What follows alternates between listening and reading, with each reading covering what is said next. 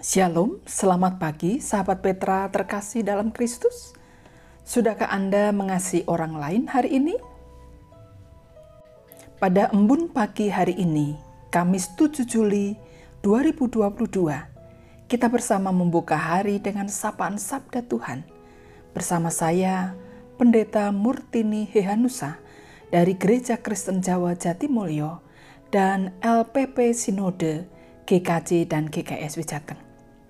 Adapun tema renungan hari ini adalah dua epifani Kristus. Tema ini didasarkan pada bacaan Titus 2 ayat 11 sampai 15. Mari kita siapkan hati dengan merendahkan diri di hadapan Allah bersama kita berdoa. Mari kita berdoa.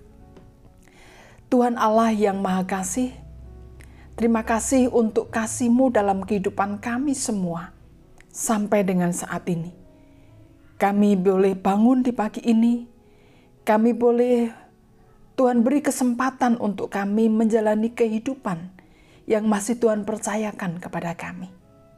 Terima kasih untuk sanak saudara, hande tolan tetangga, dan orang-orang yang Tuhan senantiasa berikan kepada kami. Meskipun mereka mungkin bukan keluarga kami, tapi Tuhan senantiasa mengirimkan penolong-penolong bagi kami untuk kami boleh hidup bersama-sama membangun kasih persaudaraan. Di pagi yang indah ini Tuhan, kami ingin mengawali hari kami dengan mendengarkan firman-Mu. Tuhan kiranya berkenan berfirman kepada kami dan menolong kami semua agar boleh memahami kehendak Tuhan. Hambamu yang akan menyampaikan firman-Mu Tuhan berkati, Tuhan pakai agar apa yang terucap, apa yang disampaikan, sungguh dalam kuasa pimpinan Tuhan saja. Terima kasih Tuhan, kami serahkan perenungan kami di pagi yang indah ini dalam berkat kuat kuasamu. Dalam nama Allah Bapa, Putra, dan Roh Kudus, kami berdoa. Amin. Sahabat Petra terkasih, mari kita baca dan perhatikan Surat Titus pasal 2, Titus pasal 2 ayat 11 sampai 15 yang demikian bunyinya. Kasih karunia Allah menyelamatkan semua manusia. Karena kasih karunia Allah yang menyelamatkan semua manusia sudah nyata. Ia mendidik kita supaya kita meninggalkan kefasikan dan keinginan-keinginan duniawi dan supaya kita hidup bijaksana, adil, dan beribadah di dalam dunia sekarang ini dengan menantikan penggenapan pengharapan kita yang penuh bahagia dan penyataan kemuliaan Allah yang maha besar dan juru selamat kita Yesus Kristus yang telah menyerahkan dirinya bagi kita untuk membebaskan kita dari segala kejahatan dan untuk menguduskan bagi dirinya suatu umat kepunyaannya sendiri yang rajin berbuat baik. Beritakanlah semuanya itu, nasihatilah dan yakinkanlah orang dengan segala kewibawaanmu. Janganlah ada orang yang menganggap engkau rendah. Saudara-saudara yang dikasih Tuhan, mungkin saudara-saudara pernah mendengar kata epifani. Epifani adalah penampakan dari apa yang selama ini tidak tampak, yaitu penampakan Allah dalam diri Tuhan Yesus Kristus. Kita mengenal Allah yang Maha Kuasa, Allah yang Maha Mulia, Allah yang Maha Esa, Allah yang mungkin jauh dari jangkauan kita manusia, tapi dalam Kristus Yesus, Allah yang jauh yang Maha Kuasa itu telah mendekatkan diri dalam bentuk manusia, dalam wujud manusia Yesus Kristus. Dan itulah epifani yang pertama, di mana Allah menampakkan diri kepada umat manusia berupa atau berwujud manusia Yesus Kristus yang telah lahir, telah berkarya, dan telah menyelamatkan manusia dengan mati di kayu salib. Saudara-saudara, Itu pula yang dinyatakan oleh Titus, surat Titus pasal 2 ayat 11 sampai 15 tadi. Perikop ini tidak hanya berbicara tentang epifani, ketika Tuhan Allah hadir dalam wujud manusia Yesus Kristus. Tetapi bacaan kita saat ini juga berbicara tentang pengharapan kita akan hadirnya kembali Yesus Kristus Tuhan kita di dunia ini pada saat ia nantinya menghakimi dunia ini. Dan kita akan bertemu muka dengan muka dengan Tuhan Yesus. Kalau 2000 tahun yang lalu yang berjumpa muka dengan muka hanya orang-orang Yahudi dan para murid Tuhan Yesus. Tapi nanti pada saatnya ketika kita sampai pada kedatangan kembali Tuhan Yesus di bumi ini, yang kita yakini akan menjemput kita sebagai anak-anaknya dan akan menghakimi dunia ini, kita akan berjumpa muka dengan muka dengan Tuhan. Saudara, maukah kita pada saatnya nanti berjumpa dengan Tuhan Yesus, muka dengan muka? Tentu kita semua ingin menikmati itu. Entah Tuhan Yesus hadir saat ini ketika kita masih hidup atau nanti ketika kita sudah meninggal dunia. Itu tidak masalah. Karena firman Tuhan dalam surat Tesalonika mengatakan bahwa orang yang mati akan dibangkitkan.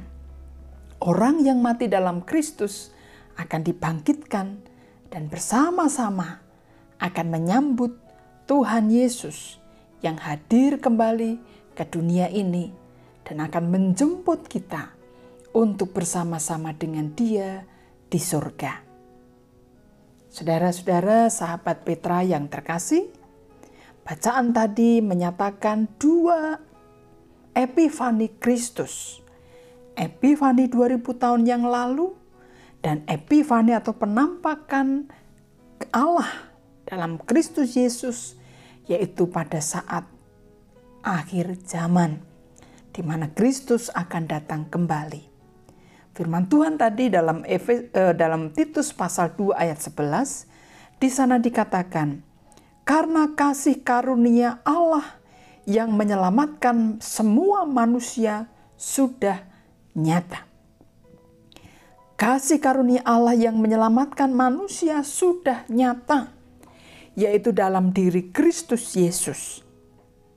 Dan karena itu, karena kasih karunia itu sudah nyata, keselamatan itu sudah nyata, maka kita diajak untuk hidup di dalam kasih karunia itu. Kita tidak perlu membayar menebus dosa kita yang perlu kita lakukan adalah kita menjadi murid Tuhan Yesus, dididik oleh Tuhan melalui firman-Nya dan Roh Kudus-Nya, sehingga kita bisa hidup seturut dengan kehendak Tuhan. Dan pada saatnya nanti, kita akan menyambut kedatangan Kristus Epifani yang kedua. Saudara-saudara, dalam rangka mempersiapkan segala sesuatu itu, yaitu menyambut kedatangan Kristus kembali ke dunia ini. Firman Tuhan mengatakan dalam ayat 12, Ia mendidik kita supaya kita meninggalkan kefasikan dan keinginan-keinginan duniawi dan supaya kita hidup bijaksana, adil, dan beribadah di dalam dunia sekarang ini. Jadi, Tuhan tidak hanya mengaruniakan keselamatan, tetapi Ia juga mendidik kita untuk kita mampu meninggalkan kefasikan, segala kejahatan dalam diri kita, dalam pikiran kita, dalam hati kita, dan dalam perbuatan kita. kita dididik oleh Kristus sendiri karena kasih karunia-Nya melalui Roh Kudus dan firman-Nya. Sehingga kita tahu mana yang baik dan mana yang tidak. Mana yang benar dan mana yang salah. Dan dalam kelemahan kita, kalau kita sungguh percaya dan kita menyerahkan diri untuk dididik oleh Tuhan, maka kita akan dimampukan untuk meninggalkan kefasikan dalam hidup kita. Hal-hal yang jahat, hal-hal yang tidak benar. Kita juga dididik dengan firman Tuhan dan Roh Kudus agar kita juga dimampukan meninggalkan keinginan-keinginan duniawi. Bukan berarti kemudian kita tidak makan lagi, tidak boleh ingin atau menginginkan uh, sesuatu yang kita butuhkan, misalnya kita butuh mobil dan kita mampu beli, ya kita beli saja. Kita butuh uh, sesuatu yang kita perlukan, ya kita beli saja. Keinginan daging yang dimaksud di sini, keinginan duniawi yang dimaksud di sini adalah keinginan-keinginan yang tidak baik, yang tidak benar keinginan-keinginan yang dapat menggiring kita, menjerat kita ke dalam dosa. Dan kalau kita mau menyerahkan diri untuk dididik oleh Tuhan melalui firman dan Roh Kudus, maka kita akan dimampukan untuk meninggalkan keinginan-keinginan duniawi. Keinginan-keinginan yang merusak tubuh kita keinginan-keinginan yang membuat kita melakukan hal yang jahat, keinginan-keinginan yang tidak mendatangkan damai sejahtera. Itulah keinginan-keinginan duniawi. Juga adalah keinginan-keinginan yang membuat kita jatuh dalam dosa, yang membuat kita menjadi orang-orang yang jauh dari Tuhan. Dan berikutnya, Tuhan Yesus dengan kasih karunia Allah mendidik kita melalui firman dan roh kudus agar kita hidup bijaksana. Saudara, sahabat Petra yang terkasih, hidup bijaksana itu tidak mudah. Ada banyak hal yang harus kita hadapi dan itu membutuhkan kebijaksanaan. Kebijaksanaan itu datangnya dari Tuhan.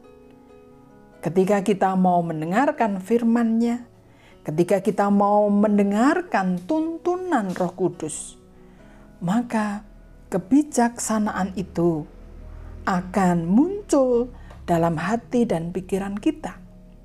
Sehingga ketika kita harus memutuskan sesuatu atau sebuah perkara, atau kita harus menentukan sikap terhadap sesuatu atau terhadap orang lain, atau ketika kita harus melakukan sesuatu yang diperlukan, maka ketika kita ada dalam didikan Tuhan melalui firman dan roh kudusnya, maka kita akan bisa bijaksana untuk mengambil keputusan, untuk bersikap, untuk bertindak untuk menanggapi mungkin anak kita, suami kita, cucu kita, orang tua kita, orang lain yang di sekitar kita. Saudara, firman Tuhan mengatakan, ketika kita dididik oleh Tuhan melalui firman dan roh kudusnya, kita juga akan dimampukan untuk hidup adil. Adil menurut Tuhan adil menurut kasih Tuhan, bukan menurut pikiran kita manusia.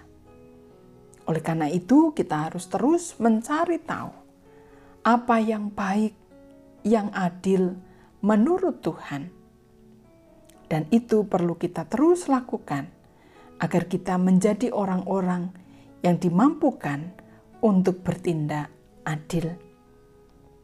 Berikutnya, Tuhan Yesus mendidik kita supaya kita juga beribadah di dalam dunia sekarang ini.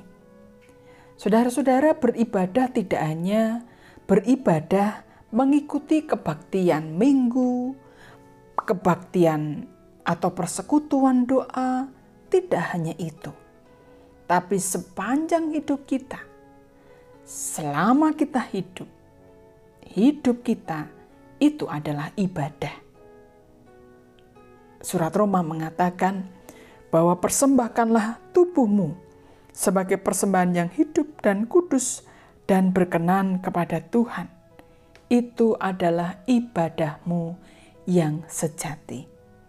Jadi kalau kita dididik oleh Tuhan Yesus melalui kasih karunia-Nya dan kita mau menyerahkan diri untuk dididik oleh Tuhan, maka kita akan menjadi orang-orang yang sungguh-sungguh beribadah. Melalui ibadah-ibadah yang ada di gereja, juga ibadah dalam wujud hidup kita sehari-hari, yang selalu dalam hati kita memuji Tuhan, memuliakan Tuhan melalui puji-pujian yang mungkin terucap atau yang tidak terucap, melalui sikap hati yang senantiasa terarah kepada Tuhan dalam segala perkara. Saudara, setelah kita dididik oleh Tuhan, menjadi umat yang diharapkan oleh Tuhan, maka kita diajak untuk menantikan penggenapan pengharapan kita. Ayat 13. Dengan menantikan penggenapan pengharapan kita yang penuh bahagia dan penyataan kemuliaan Allah yang maha besar dan juru selamat kita Yesus Kristus. Jadi saudara, sebagai umat Tuhan kita mesti harus menjadi orang-orang yang punya pengharapan. Meski yang ada di depan kita, kondisi kita, persoalan yang kita hadapi, mungkin secara manusiawi tidak ada pengharapan. Tidak ada harapan yang bisa kita miliki, kita punyai. Tetapi dalam didikan Tuhan, dalam kasih karunia Allah dalam Kristus Yesus, kita, anak-anak Tuhan, anak-anak Allah, mesti harus menjadi orang-orang yang berpengharapan. Berpengharapan tidak hanya untuk kelak Tuhan Yesus datang kembali ke dunia ini dan kita menyambut kehadirannya, tetapi juga pengharapan akan kehadiran pertolongan Tuhan dalam hidup kita di tengah-tengah kondisi yang mungkin tidak ada lagi pengharapan secara manusiawi.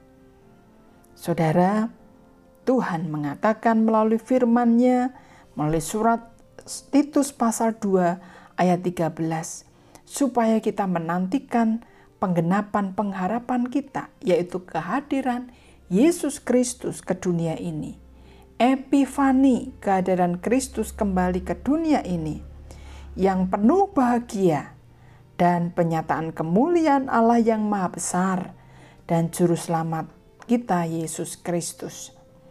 Jadi ini menarik saudara ayat 13 di sana dikatakan bahwa mari kita menantikan penggenapan pengharapan kita yang penuh bahagia dan penyataan kemuliaan Allah yang maha besar dan juru selamat Tuhan kita Yesus Kristus. Kata kemuliaan saudara-saudara itu mengandung arti kehadiran Allah. Sekinah bahasa Ibraninya.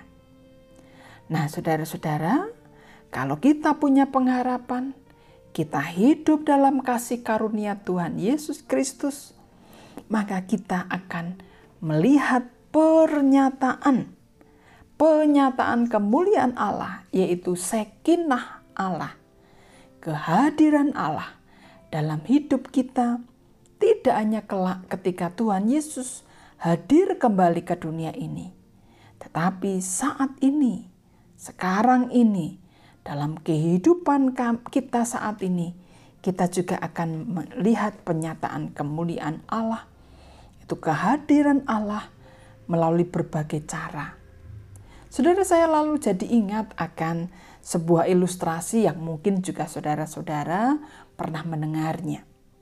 Suatu ketika ada banjir besar, rumah pada tenggelam, dan ke, banyak orang kemudian naik ke atas atap dan mereka berusaha menyelamatkan diri. Lalu ada seorang anak Tuhan yang berdoa, Tuhan tolong saya, kirimkanlah saya bantuan, kiranya engkau hadir menolong saya.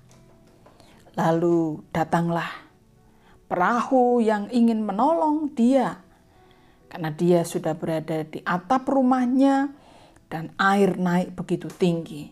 Tapi saat itu ada datang dari petugas untuk menyelamatkan orang-orang yang masih bisa diselamatkan dan datanglah mereka dalam perahu.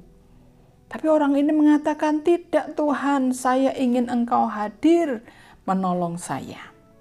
Akhirnya, karena dia tidak mau ditolong oleh tim petugas yang naik perahu itu, maka mereka akhirnya pergi meninggalkan orang itu. Orang itu terus berdoa, "Tuhan, hadirlah dan tolonglah kami." jangan tinggalkan kami. Lalu datanglah helikopter yang memberikan pertolongan kepada orang itu dan orang itu mengatakan, "Tidak, saya butuh pertolongan Tuhan." Lalu saudara-saudara, apa yang terjadi saudara-saudara?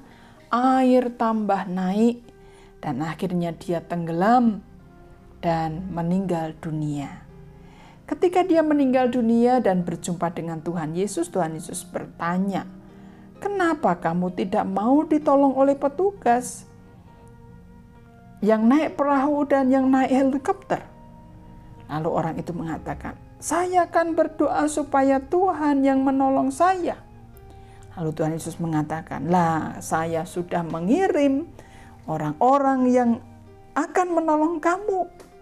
Itulah tanda kehadiranku melalui orang-orang, melalui hal-hal yang aku hadirkan dalam kehidupanmu.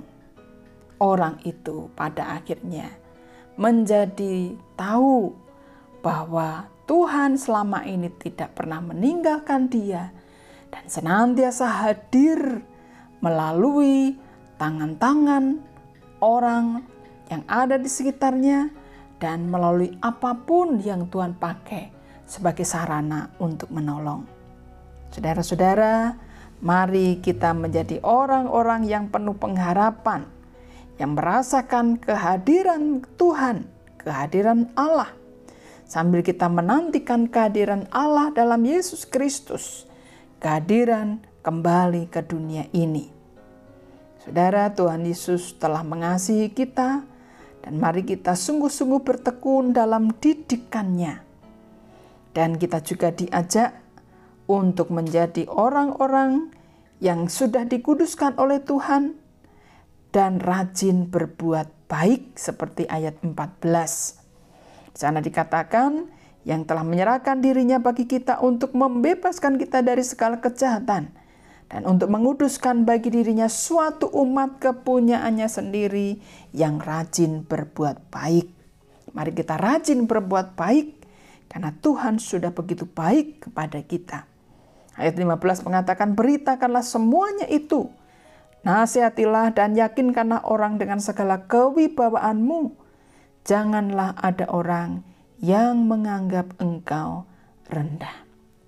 Saudara-saudara, Demikianlah firman Tuhan. Kiranya kita terus menjadi orang-orang yang punya iman teguh kepada Tuhan Yesus, hidup dalam kasih karunia keselamatan Tuhan, terus merasakan kehadiran Tuhan, sekinah Tuhan, dan menantikan epifani yang kedua, di mana Allah hadir kembali dalam Kristus Yesus di dunia ini. Tuhan memberkati. Amin. Sahabat Petra yang terkasih, mari bersama-sama kita berdoa. Tuhan terima kasih untuk firman yang boleh kami renungkan bersama. Tolonglah kami untuk lebih lagi memahami kehendak Tuhan dalam kehidupan kami masing-masing. Dan mampukan kami ya Tuhan untuk terus menjadi murid Tuhan yang menyediakan diri dididik dan belajar dari Tuhan Yesus, Sang Guru yang mulia, yang agung itu. Saat itu saat ini Tuhan kami akan mengawali hari kami. Berkati setiap hal yang kami lakukan, pekerjaan-pekerjaan yang kami lakukan, perjumpaan dengan banyak orang, bahkan kehidupan kami sehari-hari yang saat ini kami akan jalani. Tuhan berkati, biarlah hidup kami memancarkan kasih Kristus bagi banyak orang. Kami juga berdoa untuk saudara-saudara kami yang melayani di Radio Petra, siapa pun mereka, dan juga para pengurus Radio Petra. Tuhan berkati agar berkat Tuhan melimpah, Radio Petra tetap berjaya, mengudara, dan menjadi berkat bagi banyak orang. Terima kasih Tuhan, kami serahkan hidup kami sepenuhnya dalam berkat-Mu. Semua ini kami mohon di dalam nama Tuhan kami, Yesus Kristus yang mengajar kami berdoa Bapa kami. Bapa kami yang di sorga, dikuduskanlah namamu, datanglah kerajaanmu, jadilah kehendakmu di bumi seperti di sorga. Berikanlah kami pada hari ini makanan kami yang secukupnya, dan ampunilah kami akan kesalahan kami seperti kami juga mengampuni orang yang bersalah kepada kami. Dan janganlah membawa kami ke dalam pencobaan, tetapi lepaskanlah kami daripada yang jahat. Karena engkau yang punya kerajaan, dan kuasa, dan kemuliaan sampai selama-lamanya. Amin. Sahabat Petra, demikian Embun pagi hari ini Kamis 7 Juli 2022 kiranya sabda Tuhan memberikan hikmat, kekuatan dan penghiburan bagi kita untuk melewati sepanjang hari ini. Saya Pendeta Murtini Heanusa dari GKJ Jatimulya dan LPP Sinode. Mohon diri dan mohon maaf bila ada kata yang kurang berkenan. Sahabat Petra terkasih, selamat mengasihi orang lain hari ini Tuhan Yesus memberkati.